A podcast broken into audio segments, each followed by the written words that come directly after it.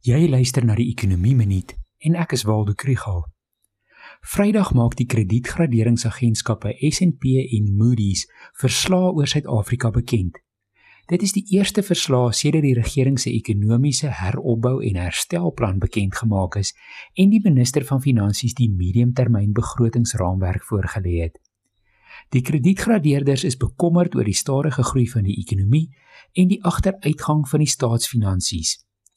S&P het Suid-Afrika twee merke onder beleggingsgradering met stabiele vooruitsigte.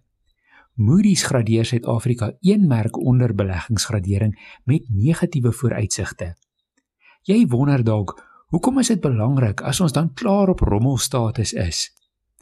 Dit is belangrik omdat die Suid-Afrikaanse regering 2,1 miljard rand per dag in die kapitaalmark leen. Die kredietgradering bepaal die rentekoerse wat die staat op skuld moet betaal. Die rente op die staatsskuld is ongeveer 12% van die besteding van die begroting.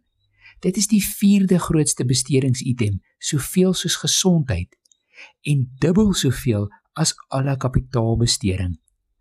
Daarby is die rentekoerse hoog en dit sê iets oor die feit dat daar nie so baie kopers is van die staat se skuld nie.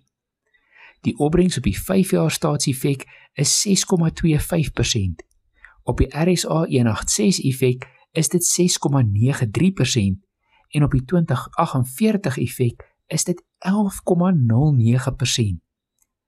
As die minister nie owerheidsbesteding kan verminder nie en spesifiek die salarisrekening verminder nie, gaan die staat meer en meer moet leen teen hoër en hoër rentekoerse.